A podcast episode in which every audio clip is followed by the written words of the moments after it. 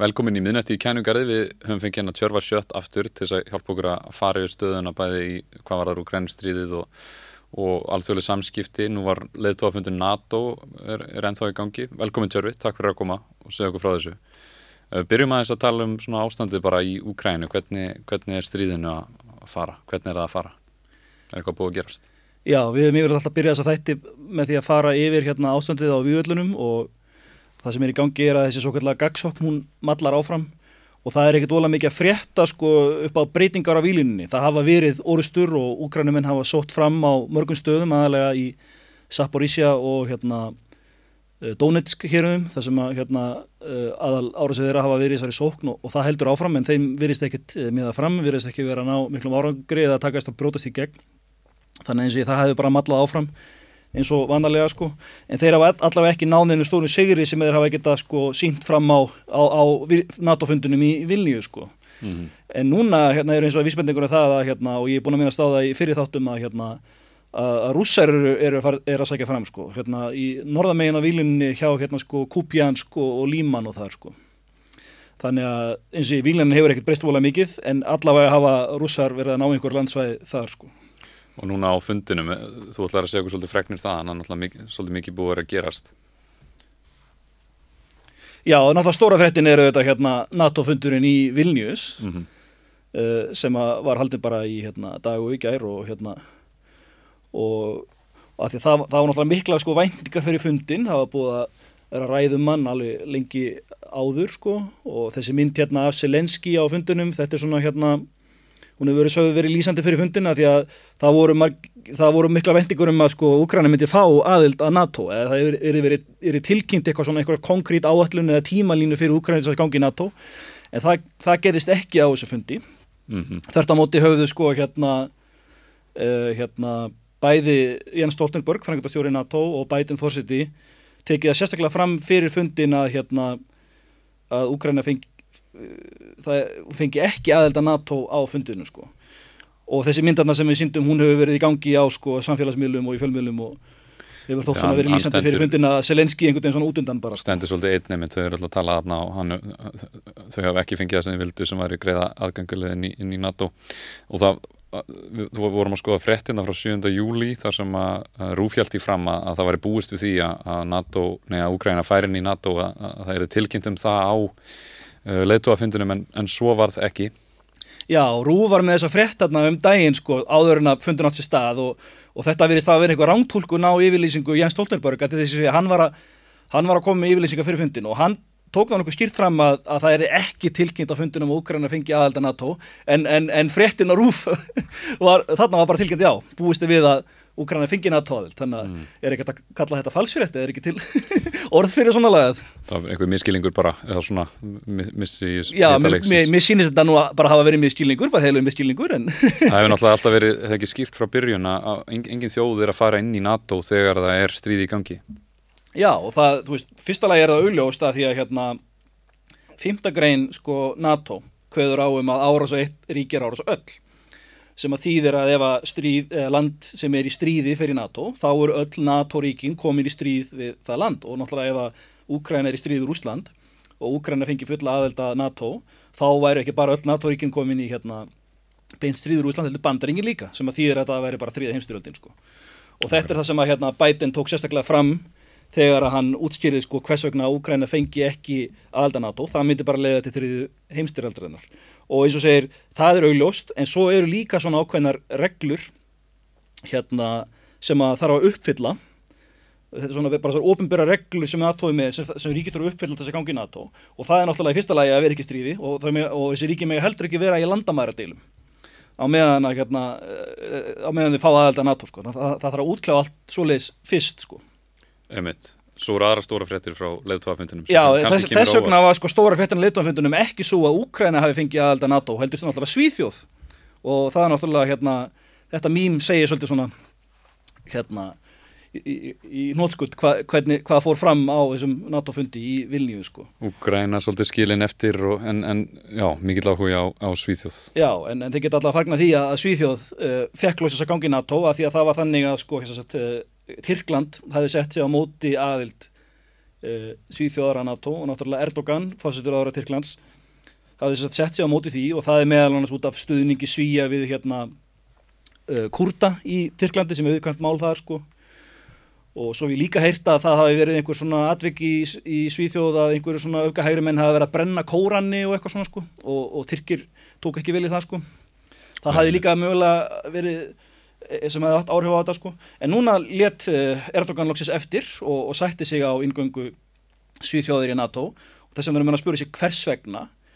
Og það er eins og hann hafi reynd að fá eitthvað fyrir það sko. Og, og fyrir fundin þá held ég sko þá er talað um að hann hafi farið að viðra sko hérna aðild uh, hérna, Tyrklands að Európa-sambandinu aftur sko, hann hefði minnst á það við, við bætin uh, en það hefur ekki verið talað, þú veist, það, var alltaf talað um að Tyrklands að Európa-sambandinu fyrir tónankurum ári síðan sko, en það hefur ekkert verið talað um það núna í nokkur ár, en núna var hann að viðra þessa hugmynda aftur, mm -hmm. en það er, og hann hérna virðist það að sko vilja það uppalega, já, ég skal hérna uh, fallast á aðild Svíþjóðara NATO, en þá verið því að gefa okkur aðild að Európa-sambandinu í staðin sko En það er ekkert svona formlega eða ofinbarlega staðfest en það er mjög líklegt að kannski er ykkur, ykkur samningur hann að bakvið, það er eitthvað sem að Tyrkir er, a, er en, að fá. En, sko, en hann verist ekki hafa náð fram með það, af því það er, sko, það er eins og að öll uh, aðaldaríki ESB er á móti aðal Tyrklands að Európa-sambandinu þannig að það mun ekkert gera sér bráð. En þess vegna eru vangaveltur um sko að, að hann hefði fengið eitthvað annað í staðin og það hefði verið svona vopnasenningur um F-16 eldflögar. Hann, hann fái sendar F-16 eld, eldflögar, F-16 flugvílar, herþótur frá mm. bandaríkunum að hann, að hann fái sér þetta vopnarsamning og fái sendar F-16 herþóttur frá bandaríkunum í staðin fyrir þetta sko að, hérna, að hleypa svíþóðinn í hérna, í staðin fyrir þetta samþyggi um að svíþóð fá að ganga í, í, í NATO er, Manni virðist að þessar F-16 vilar séu mjög eftirsóknarverðar er, er svona mikið varð í þær okkur, okkur er fólk og þjóður að sækja svona eftir Sko þessar, þessar F-16 herþóttur þær eru frekar gamlar Mm -hmm. þar voru hannaður á 8. áratögnum og voru teknar í nótgun á 9. áratögnum þannig að þetta eru, eru gamlar kaldastýristótur en vissulega eru sko svona nýjistu útgáðanir að þeim eru náttúrulega með eh, nýjasta búnaðið og allt það sko en það eru til nýrri og háþróari þótur og þessi allra nýjast er þessi svo F-35 þóta sko. Og hérna en það, það var reynda að vera eitthvað vandamál með hana að hérna að hún hefur lengt í, já, bara þykir ekki áræðanlegu og eitthvað sko. En allavega, dýri viðhaldi einmitt, já, hérna Tyrkland var í eh, prógrami um að fá þessar F-35 þóttur en svo gerist það að þeir keiftu sko S-400 eldflögavarnakerfi frá Rúslandi og, og bandarækjumann voru ekki sattur við það og þá hættu þeir við að selja F-35 þóttur ef, ef ég skildar rétt sko.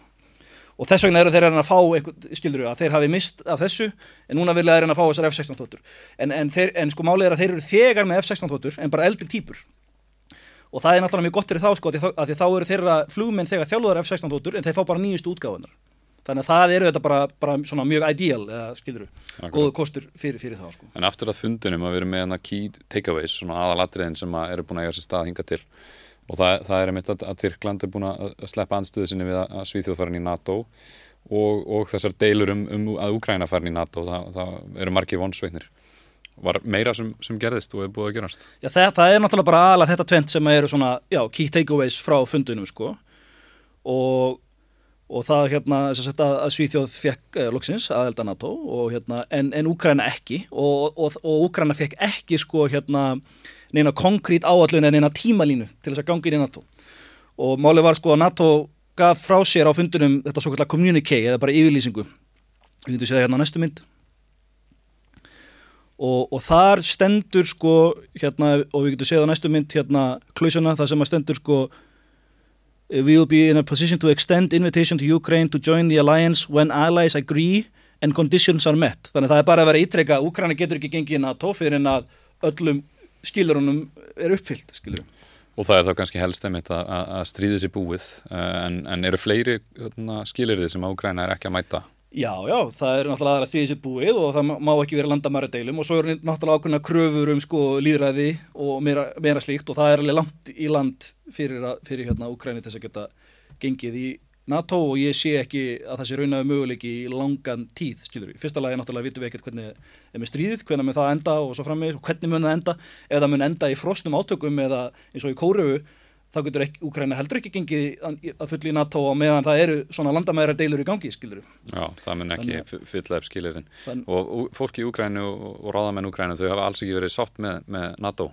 Já, og hérna það voru margir með, fyrir mónsöknum með þetta, til dæmis bara fólk í Vilnius í Litáin, það var mjög mjög svona væntingur um að, hérna, að það erði eitthvað svona stort gert að bara Ukraínu borðið í NATO og eru fyrir miklum vonbröðum með þetta. Og Selenski sjálfur gaf út sko hérna tweet hérna uh, gaggrinda harðlega, notaði orðið absúrt og hann segir hérna sko It's unprecedented and absurd when time frame is not uh, set uh, for Ukraine's membership. Og svo, svo hvort hann líka verði að, að þetta orðalæg sé veik eða þess að hérna, þókukent eða ekki nú að skýrt. Hann hvartar yfir þessu orðalægi að, að Ukraina get ekki gengið í NATO fyrir en uh, öll, öll skilin eru uppfyllt. Mm. uh, conditions are met og hann hvartar sérstaklega yfir þessu og kallar þetta ab absúrt og já, hérna gaggirinn er þetta harðlega sko. Og þetta er, þetta er atna, frekar ósangjant gagvar þeim, er það ekki? Að, að þeim, þau hafa verið, þeim hafa verið lofað svona aðild nokkru sinnum? Jú, jú, vissulega, Úkræni hefur verið lofað aðild svona, uh, hvað skal ég segja, uh, þessi, þeim eru aldrei verið að sko gefið neinn tímalína eða aldrei sagt hvenar en þeim hefur bara lofað aðild bara svona óljóst og óbeint frá því 2008, Búk, NATO fundur, fundurinn í Búkarest 2008 þá var uh, tekið fram að Úkræna skal ganga í NATO í framtíðinni Já, já. og, og, líka náttúrulega Georgia sko það satt, bæði hérna Úkræna og Georgia og það er engin tilvílan að hérna sama ár 2008 eftir þennan Búkarestfund þá breyst út stríð í Georgiu sko þannig að Georgiu stríð 2008 sem varði í fimm daga sko það var, það tengdist þessu sko Einmitt. að hérna Úkræna hafi verið, að ekki Georgiu hafi verið bóðið í NATO og núna, uh, já, hafa sko uh, sumir aðeinar í sko hérna til dæmis uh, litáin verið að gaggrina þetta sko þegar hérna þetta sé óábyrt hjá hérna NATO að vera með þessi óljósu lofórð sem að þið get ekki staði við því þetta hefur rauninni bara magnað upp átök þessar ríkja við Rúsland sko Og kannski mitt byggt upp bæntingar hjá Úkrænu að þau myndi fá meiri stuðning á endanum og þá hafa þau kannski farið atna, meira inn í stríði frekar en að leita í friðar viðræður og sætta sig við kannski smá landmissi og, og annað. Já, já, byggir upp vendinga þeirra því þeir tólka þá þannig að þeir hafi sko stuðning Vesturlanda og ef þeir lendi stríður úr Úslanda það er fulla stuðning þeirra en, en, en, hérna, en þeir fá allavega ekki sko fulla aðelda NATO. En Úkræna hefur vissilega fengið mjög mikið af hérna vopnum og vopnasendingum sko. En við sjáum hérna næstu mynd. Það er þessi frétt hérna. NATO says it will invite Ukraine to join when conditions are met. Zelensky call lack of timeline absurd. En svo, þetta er umfjöldur hérna Washington Post sko.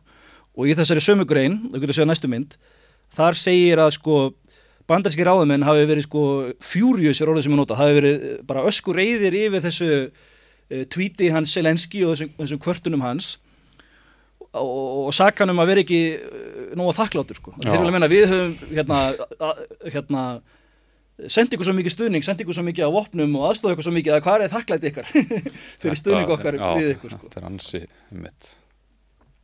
Og hérna, og við sáum það hérna á næstu mynd, hérna Grein Guardian sko að hérna US and UK call for more gratitude from Kiev eftir Zelenskis NATO complaint þannig að það er svona eins og hafið svolítið svoðu uppbúr á milliðra á millisku Ukrænu, Zelenski annars vegar og svo leiðtóa NATO sko bandaríkjana og Brytlandsins vegar að það voru bara svona frekar, já, Hadramar bara deilur sko. Það orðið svolítið annað hljóð núna en þegar Boris Johnson flög hana til þeirra og kvatti Zelenski að halda áfram í stríðinu og ekki, ekki uh, leita eftir frið, friðaviðræðanum meira Þetta er alveg, þetta er rosalegt ástand þarna. Já, en sko hérna sem sagt að hérna, já, að núna sko er ekki svona móla góður tóna millir þeirra, eins og því að Zelenski hefur gagnir þokkar harlega og, og þeir segja og það var hérna varnamannlar á þeirra hérna Breitlands sem að sagði þetta hérna alveg sérstaklega hérna, hann hérna hann Ben, ben Wallace, Wallace heitir hann ekki hérna, jú, hann og fleiri sko sökuðu hérna Selenski um, um vandakleiti hérna, og já og þess, það er náttúrulega þannig að þessi Ben Wallace að hann var kandidat fyrir að vera næsti framkvæmtastjóri NATO. Mm -hmm. og hérna þá voru svo umræður um hver er þið næsti framkvæmtastjóri NATO. Og hérna og deilur um það sko að því það þau hérna sagt, NATO ríkin og hérna og litóar þeirra virtist ekki geta sett sér á hver er þið næsti. En, og, en þá var endur bara ákveðið sko að framlengja hérna stjórnarsettu Ján Stoltenberg um eitt ár sko. Já, já.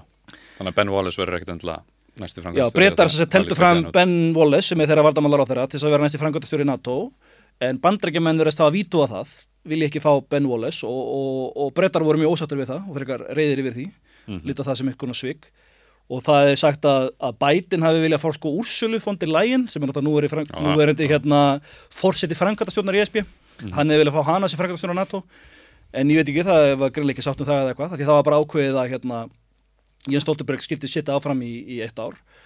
Og hérna, og sumi tólka það sem sko Uh, sko einhvers konar hérna að NATO-ríkin sé ekki alveg samstiga því þau geti ekki komið sér saman um hver er næsti, næsti hérna leitóin sko. Og þurfa bara að beita þessu einhvers konar hérna þessari lausn bara, já, að bara hafa bara Jens Stoltenberg áfram og framlengja hans frest sem hefur aldrei, bæði og það hefur aldrei gerst áður í sögu NATO að, að hérna að, neitt, frangatastjóri hefði setið svona lengi og, og að hans hérna stjórnatíð hafi verið framlengt svona skilur Já. eins og er gert með Jens Stoltenberg núna sko. Svo eru aðrar hrikalega fréttir að, að, að, að bandrækjumenn hafa heimilað uh, flutning og sölu klasa sprengja til Úkrænu og nú segja til dæmis samtök eins og Human Rights Watch að, báðir aðeinar í stríðinu rússar og Ú- Úkrænu her eru að nota klasasprengjur og getur þú sagt okkur frá því? Já, sagt, eh, svo er hinn stóra fréttin sem að tengja stríðinu er svo að bandaríkin hafa tilkynnt og ákveðið að senda svo kallar klasaspringi til Úkrænu sem heita Cluster Munitions. Og bara aðeins að fjalla um þessu vopn almennt hérna sjáum við mynd að því hvernig klasaspringjur eru. Klasaspringjur eru svo þannig að þetta er fullt af svona litlum sprengjum sem eru inn í einhverju stærri sprengju eða skotilki og, og það splundrast og þá rignir svona litl, litlum sprengjum sem eru á stærði við sko hérna uh, hafnabolta eða þannig sko Já, bara svo koma starfi nefa, mannsnefa sko. svona. Já, þá rignir svona litlum sprengjum yfir svæðið og það er eiga allar að springa sko. og það er þykja sett, uh, mögulega góðar á móti til dæmis hérna, hermenn sem að standa út á viðanvangi sko. en þú sem er ekki í sko, þú veist, onni virkjum eða þannig skilur en þetta, þetta er svona anti-personnel munition skilur sem er notað gegn hérna, sko, mannfólki sem að stendur úti sko. en, en gallin við þessi vopn og ástæðan fyrir því að þau eru svona gaggrind og hvers vegna það er sko alþjóðleg hérna, alþjóðleg sáttmáli um að banna þau sem að hundra ríki eru aðeilar að sko. En virðast vera hunsuð þegar maður skoðar hvar klasasprengjum hefur verið beitt og það er eiginlega bara í öllum helstu stríðum undanfarna áratíði. Já, ekki alveg öllum, við komum að því eftir. Hérna, en jú, jú, vissulega hafa það verið viðanótar en sem sagt hérna að, að það er þessi sáttmáli um að banna klasasprengjur sem að hérna hundrað ríkir eru aðeilar að, en það reyndar ekki sko Bandaríkin og Rúsland og Úkraina er ekki aðeilar en, og það, það hefur verið sterk alþjóður hreyfing fyrir, fyrir að banna þau og það er mjög svipað og hreyfingi þess að banna jarðsprengjur. Að það sem að gerist er að þessar sprengjur þær springa aldrei allar þegar þeim er varpað. Það er alltaf ákveður hlutallæðin sem springa ekki svo kvöldur döds, D og D. Það er þess að sprengja sem hefur varpað hún er ekki sprungið og þá situr hún, hún liggur bara á jörðinni þar sem hún lendir. Og þá er hún orðin bara de facto orðin að jarðsprengju sko. Og við fáum myndin aftur upp af, af klasasprengjunum að þá sjáum við að allar þessar litlu sprengjur falla niður og eiga að springa en alls ekki allar springa. Það er að liggja bara eftir á jörðinni. Já, og það er sko deilt um sko hversu stórt hlutat er að liggja eftir á jörðinni og verða í raun bara jarðsprengjum að því að liggja á jörðinni og svo gerist það sko kannski bara mörgum mörgum ára síðar uh, þegar stríðið búið að þá eru bara einhver almennu borgarar og mögulega börn sem að kannski sjá einhvern málhlut á jörðinni og, og stíga á þessar sprengjur eða taka þær upp og, og, og þannig hafa orðið, mörg, hafa orðið mörg, mikið mannfall hjá sko óbörnu borgurum út af þessum klassasprengjum og hérna og eins og sé, það er þess að deilt um sko hversu mikið hlutat þeirra springa ekki. Og núna eru bandrækjumenn að segja að að eftir þeir ákveða að senda þess að klassa springi til Úkrænu er að segja að bara 5% þeirra sko springa ekki. Að þess að dödd rate sé vola látt, bara 5% en svo eru aðrir og, og sérfræðingar og, og svona mannrétta samtök og fleiri sem að gaggrina það, það frekar harðlega og segja nei að þetta svo kallar dödd rate það getur verið hátt í 30% og það er, sem- það er að tala um það núna að senda sko þessa klassaprengi til Úkrænu að, að þetta eru sko þetta eru ekki sko sprengju sem er varpar á flugvélum. Þetta er þannig að Úkrænumenn hafa voðalega lítið verið að varpa sprengjum úr flugvélum í þessu stríði. Rússar hafa verið með sko air supremacy eða yfiráð í lofthernaði en þetta, þetta eru þess að sko skotilki sem er skotið í stórskotaliði úr fallbissum og þeir eru náttúrulega fengið senda svo kallar 155 mm háitsera fallbissur stórskotalið frá bandaríkunum og það er notað þess að skjóta þessum hérna skotilkjum og þetta eru þess að skotilki með klasasprengjum inn í þeim sem er skotuð fallbissum og það er talað um að séu sko rúmlega 70 svona klasasprengjur litla klasasprengjur inn í hverju skotilki og, og miða við þess að svo kallu dödd rate þá, er- þá er talið að skilur að í hverju skotilki sem er skotið þá getur orðið tíu eftir sem að verða í rauninni bara einhvers konar jarðsprengjum ón í jörðinni sko. Það er góð ástæða fyrir því að þetta er bannað. að því að sko 10 af 70 skilur þá springur meira hluti þeirra en svo vera 10 eftir já, og það, það er ástæðan fyrir þetta bannað að því að, að því að þessar sprengjur geta varað í mörg, mörg, mörg, mörg ár bara í jörðinu þar sem við lenda og, Og- og eru rauninni bara eins og jarðsprengjur sko. Og þú, já, þú ætlar að segja okkur frá hérna að kambótíski fórsætsræðar hann er búin að vera að tala mikið um þetta en það hefur Kambódía orðið frekar illa út hvað var það svona klasasprengjur Já, og, og það er svolítið merkilegt að segja frá því að sko hérna, fórstur ára Kambodíu hann hérna, Hun Sen hann gerði sko tweet um þetta þar sem að hann fórundæmdi þessa sendingu á klassasprengju til Úkrænu og þú getur segja hérna næstu mynd hérna, tweetið sem hann gaf frá sér Mhm. og hérna erum við með þýðing á því en það segir þess að sko It would be the greatest danger for Ukrainians for many years, up to 100 years, if cluster bombs are used in Russian occupied areas in the territory of Ukraine.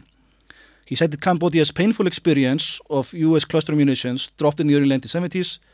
Það var þess að þannig að í bandareikin vörpuðu gríðlega magna klasssprengjum, ba- ekki bara Kambodíu heldur líka í Laos og í Vietnam, en alveg sérstaklega mikið í Kambodíu og Laos í Vietnamstríðinu, af því að það stríð fór yfir í nágrannríkin í Vietnam, Kambodíu og Laos og það er náttúrulega að tala um allt í allt hafi bandareikin varpað sko hérna uh,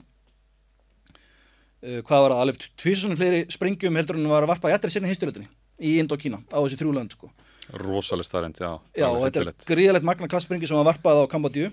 Og það er talað um að sko að 20.000 borgarar hafa látist í Kambodíu síðan 1970 Satt frá því að stríðinni er lokið og þessar klasssprengjur liggja bara eftir jörðinni að þá var 20.000 borgarar látist og voru ennþá að gera í dag. Látist eða slasast, já.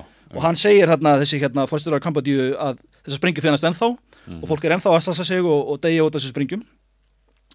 Og hann segir it's been more than half a century there have been no means to destroy them all yet my pity is for the Ukrainian people. I appeal to the US president as a supplier and uh, the Ukrainian president as a recipient not to use cluster bombs in the war because the real victims will be Ukrainians. Þannig að hann er að segja að raunverulegu fórnarleipin verða bara óbyrti borgarar í Ukraínu ef þessi vopn verða nútið. Nú er að við og segja frá því uh, til að íslenska þetta aðeins að það, það hefur liðin hálföld frá, frá því strí- stríði en samt erum við ekki búin að finna örugar leiði til þess að losa okkur undan þess að gera þetta. Og hann, honum liður hræðilega við, tilöksunna um að Úkraina verði fyllt af þessum klasasprengjum. Það verður gríðilega mikið magnarna sem verður eftir og alveg áratugi, marga áratugi eftir á mun uh, fólk verða að deyja og slasast alvarlega. Já, einmitt og svo náttúrulega hafa sko ekki bara mannréttasamtök stíðið fram og fordæmt þetta eins og Human Rights Watch heldur líka saminu þjóðunar og mörg uh, hérna, bandalagsríki uh, bandaríkjana NATO-ríki sko, það er fordæmurist þau hafa hingað til ekki fordæmt áður sko vopnasendingar til Úkrænu uh, hérna sem sagt uh, það hafa sko, skal ég segja ykkur hérna uh, löndin sem að NATO-ríki sem eru aðilar að þessum alþjóðlega sáttmála um bann við hérna nótkun klassasprengina hafa fordæmt þetta og það eru til dæmis Spátn, Bretland, Kanada. Og svo þetta Sviss líka, Sviss reyndar ekki hérna aðalega NATO uh, en þeir hafa líka fordæmt þetta og eins og samverið þjóðarnar og, og Human Rights Watch. Og hérna sjáum við að hérna, mynd af þessari skýrslu hérna Human Rights Watch Mm sem að talar um að hérna að, að Úkraina hafi þegar verið að nota klassabringjur alveg frá því 2014, frá því borgarastyrjöldinni í Donbass sem hóst 2014 og, og segir hérna frá nokkru döðsföllum almenna borgara sem hafa uh, uh, látist út á nótkun klassasprengna og þessi þeir saka Úkrainu um að hafa nota klassabringjur áður en þeir saka einnig rúsa um að hafa nota þessar klassabringjur sko, -hmm. í þessari sömu skýslu Einmitt. en reyndar er það þannig að núna hefur sko vardamálar á þeirra Rúsland, Sergi Sjóiku, hann hefur hérna tjáð um þetta. Og hann sko þvert ykkur fyrir það, hann segir nei, við notum ekki hérna klassaspenningur en ég veit ekki til þess að úkrænumenn hafi afnitað þið sko. Já, þeir reyna ekki að neyta því en, en rússarnir ljúa eins og, eins og þeir hafa gert áður. Já, ég, ég veit ekki hvort það sé rétt hjá en þetta er alltaf það sem hann segir. Og hann var að, líka við því sko hann, Sergi Sjóiku, hann segir sko að að við hefum líka hérna stórt stokkpæl eða stóra hérna byrðir af klassaspenningjum og ef að hérna úkrænumenn fara að nota þessar klassaspenningjur frá bandaríkjunum þá getur við fara að nota okkar og við erum ennþá stærri hérna sko, þessi stokkpæl eða stærri byrðir af klassafringum heldur en Þannig bandaríkjum. að innkoma klassasprengja frá bandarækjámanum geti ítt undir einmitt að rússar noti meira af, af sínum. Já, sem er eiga hellinga á og þeir hafa, þeir hafa klárlega ekki verið að nota þær í miklu mæli. Það getur verið verið að það hafi verið að nota þær. Og hérna, eins og Human Rights Watch Bendir á. bendir á. Mhm. En þeir hafa, það er ekki vísbendingur um að hafa verið að nota þær í miklu mæli en þeir eiga, eiga grillt magna aðeins, sko. En Það af sem hann er að vara við, hann er að segja, býtu, ef að þið farið að nota þær núna í miklu mæli, við hefum miklu meira skilur. einmitt, þetta er hættulegu leikur. Uh, þú ætlar að sína ykkur myndband þar sem bætan er að svolítið raukstiða það af hverju uh, klassassprenginar eru að fara til Já, Ukraina. þá má spyrja sig, hvers vegna uh, ákvaðu bandaríkjana að senda þessar klassafringir úr Úkrænu? Hver er umverulega ástæðan? Og hérna bætir hann segir bara frá því í viðtalið við síðan. Mm -hmm. Að það. number one. Number two, uh, the Ukrainians are running out of ammunition. Uh, the ammunition that they, they call them 155 millimeter weapons. This is a this is a war relating to munitions, and uh, the running out of those that ammunition, and we're low on it. Hann sem sagt er að tala um sko skotfæri fyrir þessa svo kallu 155 mm háetseraða fallbissur. Við getum séð mynd af einu slingum hérna á næstu mynd. Og þetta er þessi, sko uh, stórskotaliði mjög mikilvægt í nútíma hernaði. Og það er talað um að hérna, meirinn 60% af mannfalli hermana í nútíma hernaði er út á stórskotaliði. Þannig að þetta er rauninni mikilvægast af opnið sem að er notað á vývöldinu sko. Og þarna var Biden bara að segja, það er alveg ótrúlegt að hann aðeins vikenda. Hann segir sko ekki bara eru úkrænjumenn að klára sín skotfæri fyrir þessi stórskotalið. Þetta er þetta áum þessi skotfæri fyrir stórskotalið fyrir 155 mm fattbissur. Ekki bara er úkrænjumenn að klára uh, sín skotfæri fyrir þessa fallbissur, heldur er, erum við að gera það líka, bandaríkin. Það er náttúrulega þannig að sko Úkræna er ekki að framlega skotfærin sjálf, þau fá þau, fá þau sko sendt frá bandaríkinum og vesturlöndum. Og þeir, það er náttúrulega var líka fréttum að þeir voru að fara út um allan heim og fá sko Suðu Kóru og Pakistan og lönd út um allan heim til að senda hluta sínum uh, vopnaforða skiluru til Úkrænu sko. Og, og það er talað um að þessu er búin að klára mögulega hérna gamla sko uh, vopnaforðan frá, frá því tímum Sovjetríkjana, þú veist með Já. hérna sovjísku, rúsnesku vopni sko. Og nú eru fannir að ganga á hérna vopnaforða hérna Vesturlanda og Bandaríkjana og það er alveg ótrúlegt að að Biden hann viðkynnar þetta bara hérna í viðtalinu. Að því hann segir sko so are we. They are running out of ammunition and so are we. Þrátt fyrir að bandarækin eru búin að stóra eflaðið það ekki framleiðslu á, á skotfærum í, í svona stórskota já, vopn. maður hefði haldið það en greinlega ekki af því að þau eru ekki, Ekki að framleiða hérna, skotfæri í næstu því nógu miklu mæli til þess að halda í við uh, nótkun Ukrænu hers á, á þessum skotfærum Mhm. og það er eins og þeir hafa ekki gert voðalega mikið til þess að hérna, auka framleiðslugetuna sko. En þú veist, ef þeir ætla að gera það þá er alltaf frekar seinir í því núna, það er liðið, eitt, það er liðið næstu eitt og halvt ára á þessu stríði sko. og það tekur náttúrulega tíma að fara skilur að Setur nýja fjárfesta og byggja koma sér upp. bergsmiðunar og mitt. allt það sko, til að auka framlýsingetuna, það er alls seinir í því og þetta segir hann að er skýringin sko, að því að því við erum með hérna gamlan uh, forða af klassasprengjum, það er talað um að þetta sé sko 20 ára gamalt gamla sprengjur, þeir eru bara með þennan hérna vopnaforða bara hérna, eitthvað, gamalt sko og við erum bara fannir að grípa í það að því að við erum ekki með neitt annað og bara þess að halda stríðinu gangandi sko. Þannig að þetta verðist vera eitthvað svona bara hérna örvæntingar ráð hjá þeim til þess að sko halda stríðinu gangandi að því úkrænumenn er að, er að klára sín skotfæri og þeir líka sko eru búin að senda öll sín skotfæri hrikaleg staða á þróun. Þú ætlar að sína ykkur líka myndband eh, búta á ræðu frá Jens Stoltenberg. Já, Jens Stoltenberg, hann sagði mjög svipað þetta, mynd, þetta er hérna myndband því í februar ás ári það, það, sett, núna var bætina viðkjöna þetta að þeir eru sjálfur að klára sín skotfæri og Jens Stoltenberg var búin að se- segja það á viðkjöna það fyrir árinu að, að sett, framlýslu geta NATO sem er náttúrulega bæði bandaríkjun og Europa framlýslu geta NATO-ríkja hún, hún er ekki nætt þess að halda í við nótkun Úkræni á skotfærum þannig að við getum séð hérna næsta myndband Ukraine can burn through the plant's monthly production in half a week, locked in a grinding war of attrition with Putin's army and Russian mercenaries. The current rate of Ukraine's ammunition expenditure is many times higher than our current rate of production. Hann sag, já, hann sagði sko að já, current rate is many times higher uh, the uh, current rate of use þannig að þess að því sko já, að hérna þeirra á áfram. skotfærunum er mun meiri heldur en við getum framleitt sko, og haldið Mm. í við og þetta, þetta hefur líka verið í hérna öðrum fréttum, það var til dæmis grein hjá Politico og viðar sem eru að vera að segja þetta að hérna, það er bara að vera að ganga á skotfæra byrðir hérna Vesturlanda í þessu stríði og þess vegna hafa núna komið greinar sem eru að tólka þetta sem svona vikleikamerki og hérna og það gangi ekki vel í stríðinu því þeir eru bara byrjulega að klára skotfæri og það nú, bóða nú ekki gott ef, að- ef að það er rétt sko. Og hérna er sett, uh, Antoni Blinken sagði líka sama og, og Biden, Antoni Blinken hann er utan ekki sráður af bandaríkjana hann sagði sko Ukraine will be defenseless without cluster bombs. Af því segir hann að þeir eru að klára skotfæri og þess vegna þurfum við að gefa þeim klassaspringur af því annars munir þeir klára skotfærin þeir þurfum að hafa eitthvað Já, Þetta er það sem að er. sagði. Að, þetta myndi, að fólk myndi reyna að leita einhverjum friðaviðræðum áður en að það, það tekið til svona ráða. En vitandi hvernig NATO er og, og bandarísku utanrikistefna þá, þá er það ekki kannski öðna, í forgangs, forgangsatriði. Já, og svo er hérna grein frá Sky News sem að segir sko US cluster bombs deal is a clear signal that war is not going well for Ukraine. Þess að tólkar þetta sem sko já, bara veikleikamerki að stríði, stríði gangi ekki vel. Já, að því, þeir, að, því, að, því að þessi, þessi ákvörðun er tekin að þeir eru að klára vennileg skotfæri sko. og svo var það þannig að hérna, uh, Salúsni, Valeri Salúsni sem er yfir með uh, ukrainska hersins, hann kom fyrir nokkurum dögum í viðtal hjá Washington Post sem við fjöldum um í sísta þetti og áhuga, margt áhugavert sem kom fram í þessu viðtali. En hann tók það meðal annars fram að ekki bara eru rússar með hérna, yfirbörði í lofthernaði, air supremacy og þess vegna kallaði hann eftir F-16 tótum bæði á Mm. Heldur tóka líka fram að þeir eru mikla yfirbörði í stórskotaliði. Og orðið sem hann notaði var tenfold, hann er að segja að sko að rússar eru með sko tíu móti einum fórskot í stórskotaliði að því að ekki bara eru þeir með miklu fleiri fallbissur til að skjóta uh, svona hérna springikúlum heldur sko að því þeir eru að skjóta uh, hátt í tíu svona fleiri springikúlum á dag. Þess að nótkunn þeirra á skotfærum. Og það, og að, það er, hérna, að, að það er verið að tala um sko stórskotalið, artilleri á nótkunn þeirra á hérna, stórskotaliði og hversu mörgu springikúlum skjóta dag, það er hátt í tíu svona meira heldur en Úkrænu og, og það er heldur ekki þannig, það verðist ekki verið íspendingur um að þessi að klára sín skotfæri, þeir verðast allavega að vera með alveg gríðarlega hérna, stór stokkpæl allavega sko.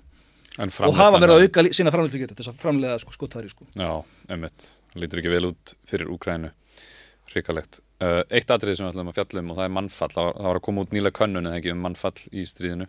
Getur þú sagt okkur frá því?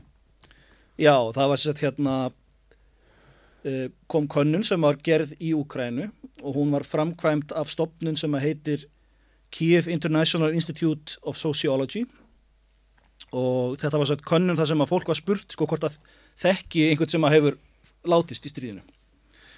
Og hérna hún Þórdís Kolbrún utanríkisráðara, hún myndist á þessa könnu, könnun í hérna Facebook fæslu sem hún hérna postaði fyrir nokkur dögum Mm Svo, svolítið langloka fyrir hlustundur Já, þessi, En hún hún að minnist á þessa könnun og það sem hún segir að sko þessi nýja könnun uh, í þessari nýja könnun kemur fram að, að rúmlega 80% úkrænum manna þekki einhvern sem hafa annað hvort særst eða falli í stríðinu sko. Já, já, Þannig að hún, hún, hún segir þetta í, í þessari Facebook-færslu og minnist, minnist þarna á þessa könnun sko.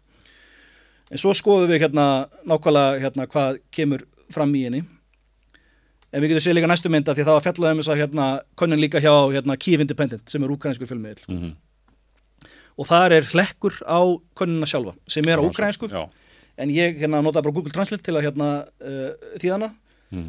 og, og það er mjög merkilegt það sem kemur fram uh, í þessari könnun. Og eins og sé að, að sko 80% manns þekki einhvern sem hann hvort særst eða fallið. Og það, það, það er ekki sérstaklega fram 63% have at least one close relative or friend who has died on average they have three deceased loved ones það er, sett, uh, það er sagt að, þrjá- að 63% Vá. þekki einhvern sem hafa sko ekki bara særst þetta látist og að meðaltal þeirra sem hafa voru spurðir meðal, að meðaltalið þekkjaði þrjá sem hafa látist sko. þannig að þetta er vísbending náttúrulega ef að könnin er rétt þetta er alltaf það sem að könnin segir um mjög mikið mannfall hjá Ukrænu og það er verðt að taka fram að sko, þetta stríður svolítið svo fyrir hinsturöldin það er sko hlutfall sagt, hérna, þegar þessi falla það er miklu herra hjá hermönum það er lítið mannfall almennara borgara með mannfall hermana hermenninir eru að degi hrönnum í skotgrónum bara svipaði fyrir hinsturöldinni en uh, samkvæmt skýrslu saminuð þjóðana er mannfall uh, almennara borgara 8.000 í þessu stríði. Það tekið fram að hérna, líklega er að herra það getur verið hátt í 20.000 sko. Mm en það- staðfest mannfall almennara borgarna í þessu stríði samkvæmt skýrslu saminuð þjóðana er 8.000 þannig að það getur verið sko frá 8.000 upp í, í 20.000 almenni borgarar. En það þýðir að mannfall hermanna er eitthvað bara margfalt meira en það sko. Og, og við erum ekki mennan að nákvæma tölur og það getur vel verið að sé yfir 100.000 sko. Og það myndi ekki koma mér óvart eða væri vel yfir 100.000 hermenn sem hafa fallið hjá Úkrænu og þessi, könnun verið gefa þetta kynna að það hefur verið gríðilegt mannfalla því að sko 60% þekkja einhvern sem er dáið og, og miðaltalið er að, þekkja sko þrjá sem að hafa dáið sko. Einmitt, tengist allt Fólk þekkir ykkur og þekkir ykkur. Og stríðið mun halda áfram því miður greinilega og við munum fjalla um stríðið uh, áfram hér á samstöðinni. Vonandi fyrir að glitta í ykkur að vonar, vonar neista og möguleika á fríðarviðræðum ef að ljúka eins á því sérðu eitthvað séns á einhverjum fríðarviðræðum er eitthvað, eitthvað að gerast sem að geti leitt til þess? Ég, sko, ég hef kallað eftir friðavirðaðum alveg frá upphæfisa stríðs og þá, við fjöllum um það í fyrir þætti og, skrifum greinum það samstöðina að það voru þessar friðavirðaður sem voru í mars-april í fyrra og þar hafi samningar næstu verið komnir í hús og það er talað um að það hafi verið sko undritaður ekki samningur heldur draft treaty, drög að samning sko sem að leiti til þess að rúsa dróðu herlið sér tilbaka frá Kíf og Norrlötu Úkræni það allt sko. En svo hafi verið einhver viðsnúningu sko. Það hafi verið tekinu upp í stefna bara að vinna stríð og viðvöldunum bara með endurleysu vopnasendingum. En núna eru vopnasendingar eins og við sjáum bara að hérna, renn út, renn út að því að þeir eru að klára skotfærin sko. Og, og við getum reitt ímyndað okkur hversu margir herrmenn hafa fallið eins og Jórusunum Bakmút og núna í gagsökninni sem stendur núna yfir sko. Uh, Rúsneski yfirvöld hafa sagt að sko þau sögðu, síðast, síðastir ég sagði frá því þá sögðu það 13 stafalli, núna segja 20 stafalli við getum ekki stafast þessar tölur en ég hef enga vafið um það að það var mjög margir herrmenn falli í þessari gagsól sko. Og, og ég, ég sé ekki fram á að þessi raun og möguleiki að Úkranni geta unnendast stríð þannig ég sé ekki hvað er annað í stöðunni heldur en að reyna að miðla málum og reyna að semja um frið. Og það náttúrulega verður ekkert saman og, og, og báðir aðalega vera að tala saman og líka bandaríkjun og Vesturland og NATO að þau eru náttúrulega óbyrð þáttangandi í þessu stríði. Þau eru að skaffa Úkrænum með vopni sem þau nota. Þannig að þeir höfðu að taka þátt í samræði viðraðan líka, það þarf að vera eitthvað vilja til að semja og menn þurfa að setjast niður og, og ræða að því annars, annars gerist ekkert, annars heldur þetta bara áfram. Akkurat, Tjörður Sjöt, takk hjá fyrir að koma og fræða okkur um þetta. Uh, við fáum því aftur næst setna og segjum vonandi bráðum frá einhverjum betri tíðindum. Þetta eru ríkalega fréttir.